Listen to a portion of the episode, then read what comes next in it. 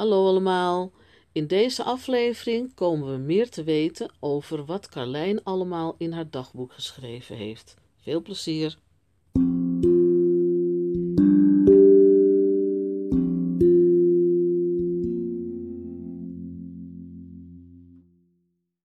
Hoofdstuk 8 In de werkkamer van tante Sarah probeerde Masha zich op haar werk te concentreren. Maar haar gedachten dwaalden telkens af. Toen ze s'morgens beneden was gekomen, had haar tante haar opgewacht met de mededeling dat het de hoogste tijd werd voor wat lessen. Over een poosje mag je me misschien helpen met een belangrijke taak. Je zult me echter moeten tonen of je geschikt bent. Voorlopig moet je dus goed je best doen met je lessen. En daar zat ze dan. Een deel van het werk was heel gewoon. Lezen, rekenen en taal. Daar was ze zo doorheen, want ze had nooit zoveel moeite met schoolwerk. Maar nu zat ze al een hele tijd over een dik boek gebogen. Ze moest tien bladzijdes in haar hoofd stampen met namen en plaatjes van nuttige planten. Waar die planten dan nuttig voor moesten zijn, had tante haar niet verteld. Maar daar had ze inmiddels zelf wel wat ideeën over. Een luide gaap ontsnapte uit haar mond. Gelukkig was haar tante, nadat ze haar aan het werk gezet had, vertrokken. Ze moest boodschappen doen en was wel een paar uur weg. Tegen twaalfen moest Masja maar wat eten en in de tuin een luchtje gaan scheppen. Masja wierp een blik op de klok. Nog lang geen tijd. Weer moest ze gapen. Ze had ook niet veel nachtrust gehad.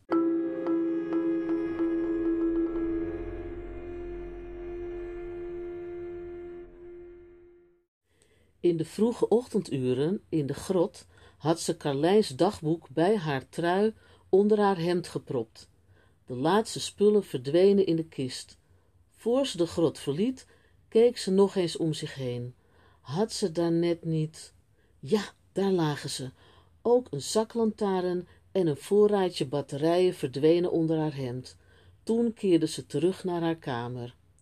Het was lastig een goede bergplaats voor haar schatten te bedenken. Ze was inmiddels doodmoe en wilde eigenlijk alleen maar naar bed. Toen kreeg ze een geweldig idee. Ze knoopte een van de koorden los waar overdag de gordijnen mee opgebonden werden. Ze knoopte de trui met de andere spullen tot een pakketje. Vervolgens klom ze op een stoel en bond het geheel achter de zware gordijnen aan de rails vast.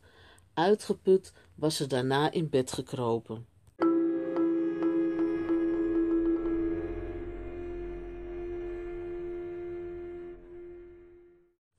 Glazig staarde ze naar het plantenboek. Ze wilde veel liever in het dagboek lezen, maar durfde ze het wel tevoorschijn te halen? Ach wat, tante had zelf gezegd dat ze de eerstkomende uren weg zou zijn. Ze opende de deur naar de gang en zette ook het raam op een kier. Dan kon ze beter horen of er iemand aankwam. Als bij toverslag was haar vermoeidheid verdwenen. Opgewonden grabbelde ze onder haar jurk. Daar had het dagboek al de hele ochtend verborgen gezeten. Ze plofte weer in de stoel. Nog even hield ze het dagboek in haar handen geklemd. Toen sloeg ze het open en las. 7 augustus. Morgen vertrekken we. Ik heb er echt zin in. Het zal Nicky ook goed doen. Het is lastig zo'n kleintje uit te leggen hoe lang het nog duurt voor haar papa en mama weer thuis zijn. Hopelijk zorgt een andere omgeving voor voldoende afleiding. Om mijn dagboek zo compleet mogelijk te maken, plak ik de advertentie erbij. Vol interesse keek Masha naar de tekst van de advertentie. Plantenliefhebbers opgelet. Wij zijn een groepje dames van diverse leeftijden en plumage. Enige tijd geleden besloten wij een vereniging op te richten die zich bezighoudt met onze gezamenlijke hobby. Wij vinden het plezierig ons te verdiepen in de nuttige kanten van planten en bloemen om ons heen. Deze zomer en herfst organiseren wij workshops in een mooie bosrijke omgeving. Bent u een vrouw? Niet jonger dan 25 jaar, en lijkt het u wat, schrijf dan naar postbus 666 in B. U ontvangt dan zo spoedig mogelijk bericht. Masha dacht na. Nuttig? Daar had je dat woord weer. Ze fronste haar wenkbrauwen en wierp een blik op het boek dat ze van tante Sarah moest bestuderen, maar keerde zich toen weer naar het dagboek. 8 augustus. Vanmiddag werden we op het station verwelkomd door een vriendelijke dame met een vreemde naam, Sarasar. De bagage werd in een ouderwetse zwarte auto geladen en daar gingen we dan. Nicky vond het geweldig toen onze gastvrouw na een paar kilometer voorstelde even te stoppen voor een picknick. We kregen de heerlijkste hapjes voorgezet. Alleen de thee had een vreemde smaak. We moeten wel moe geweest zijn, want nadat we weer ingestapt waren, zijn Nicky en ik blijkbaar als een blok in slaap gevallen. Toen ik wakker werd, arriveerden we net bij een indrukwekkend huis. Omdat Nicky nog diep in slaap was, droeg ik haar maar naar binnen. Sarasar bracht ons rechtstreeks naar een vrij grote, maar nogal sombere slaapkamer. 10 augustus. Gisteren zijn we heerlijk in de watten gelegd. Het was prachtig weer, nog steeds trouwens, en Nicky kon lekker spelen in de grote tuin achter het huis. Grappig genoeg besteedt Sarasar meer aandacht aan de kleine meid dan aan mij. Niet dat ik daar bezwaar tegen heb, zo kan ik me ook een beetje ontspannen. Voor Nicky zorgen is toch zwaarder dan ik had gedacht. Vandaag verwacht ik overigens kennis te maken met een aantal van de dames, zoiets zei es tenminste. Ik ben benieuwd. Masha sloeg de bladzij om. Hoe lang zou het duren voor Carlijn ontdekte? Was dat de voordeur? Net op het nippertje stopte ze het dagboek weg en streek haar jurk glad. Vlak daarna stapte tante Sarah de kamer binnen. Te doen. Haar hart ging als een gek tekeer. Zo, jonge dame, hoe staat het met je werk? Ik heb twee hoofdstukken gelezen, tante. Te doen, te doen, te doen. Prima, en verder? Rekenen en taal zijn ook af. Te doen, te doen, te doen. En wat heb je inmiddels van plantkunde opgestoken? Het spijt me, tante, maar het is best moeilijk en ik kreeg ineens zo'n hoofdpijn. Haar wangen begonnen te gloeien. Gespannen wreef ze over haar voorhoofd. Te doen, te doen. Even nam tante haar doordringend op. Zou ze haar geloven? Nou, misschien was het ook wel wat veel voor de eerste keer. Ik schenk zo wat thee voor je in. Neem dat maar mee naar boven, dan kun je wat uitrusten. Morgen zien we wel verder. Zacht slaakte Masha een zucht en voelde dat haar hartslag tot bedaren kwam. Opgelucht liep ze even later naar boven. De thee verdween in de plantenbak en ze gooide zich op het bed. Nu had ze nog echt hoofdpijn ook, maar haar geheim was veilig. Tevreden klopte ze op de harde kaft onder haar jurk.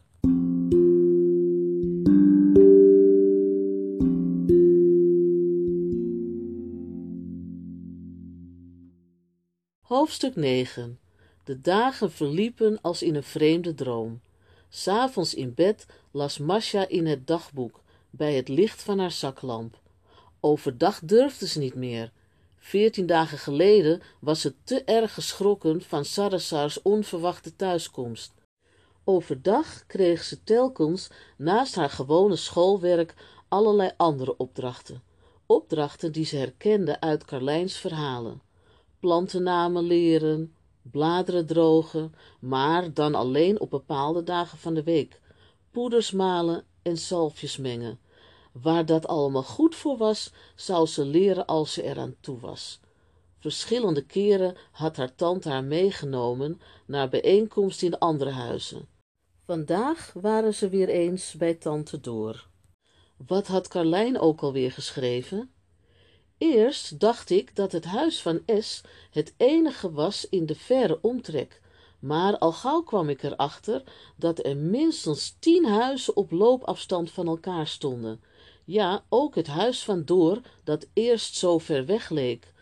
Toch is dat voor mij voorlopig onbereikbaar. O, wat mis ik mijn lieve Nicky. Masha probeerde zich voor te stellen hoe het voor Carlijn geweest moest zijn. Ze hadden Nicky bij haar weggehaald als een soort gijzelaar. De club had een dertiende lid nodig, dan waren hun krachten het sterkst. Na een paar mislukkingen hadden ze eindelijk een kandidaat met talent gevonden. Carlijn zou opgeleid worden tot heks zevende graad. Als ze eenmaal merkte hoeveel voordelen dat opleverde, zou ze haar bezwaren vast wel vergeten. Ja, ja. Als een bezetene wreef Masja de stampen rond in de vijzel. Rustig aan, kind. Waarom noemden ze haar nooit eens een keer bij haar naam? Sorry, tante Door. De stengels van de levisticum moet je niet tot poeder stampen. Je wrijft net stevig genoeg om het sap eruit te persen en de vezels over te houden. Ja, tante Door. Misschien moet ze even gaan rusten, Sarah. We hebben er niets aan als we haar energie verspillen. Je hebt gelijk, Door. Drink wat en ga dan in de achterkamer rusten, kind. Door de woorden van Sarasar dacht Masja weer aan wat Carlijn geschreven had. Kind, zo noemen ze me allemaal, van de oudste tot de jongste, al heb ik geen idee hoe oud ze in werkelijkheid zijn. Als ik de eerste test doorsta, word ik beloond met een nieuwe naam, alsof ik daarop zit te wachten. Telkens als Masja in het huis van Doriande kwam, hoopte ze Carlijn weer te zien. Vaak keek ze om zich heen of er niet ergens een glas met de rode drank stond. Tevergeefs. Maar soms, als ze moe was of het liefst een potje wilde huilen, voelde ze een warme wind langs haar wang strijken. Daardoor wist ze dat Carlijn in de buurt was en haar moed probeerde in te spreken. En als de vrouwen in de kamer te druk bezig waren om op haar te letten, glipte Masja wel eens naar boven. Dan gluurde ze even voorzichtig om de deur om te zien hoe het met Nicky was.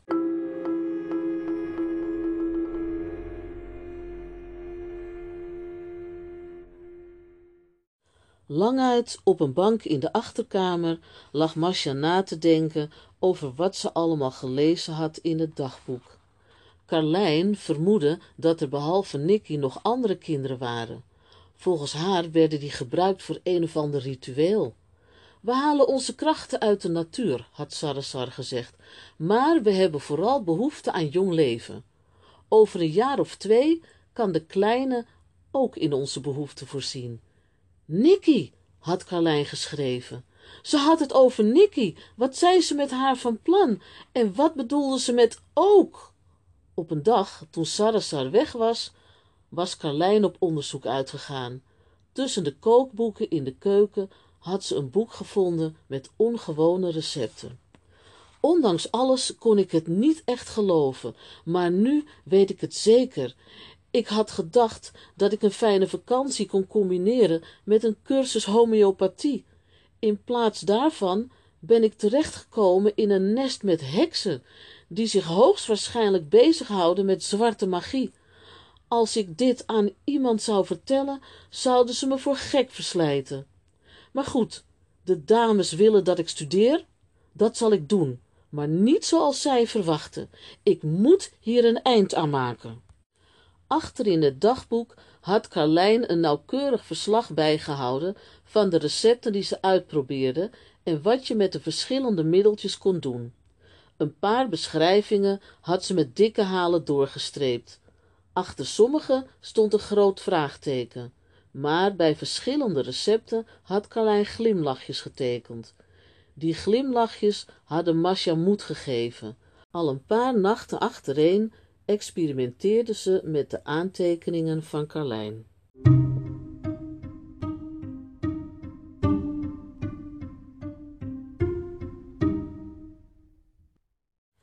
Dat was het weer. Tot de volgende keer. Doei doei.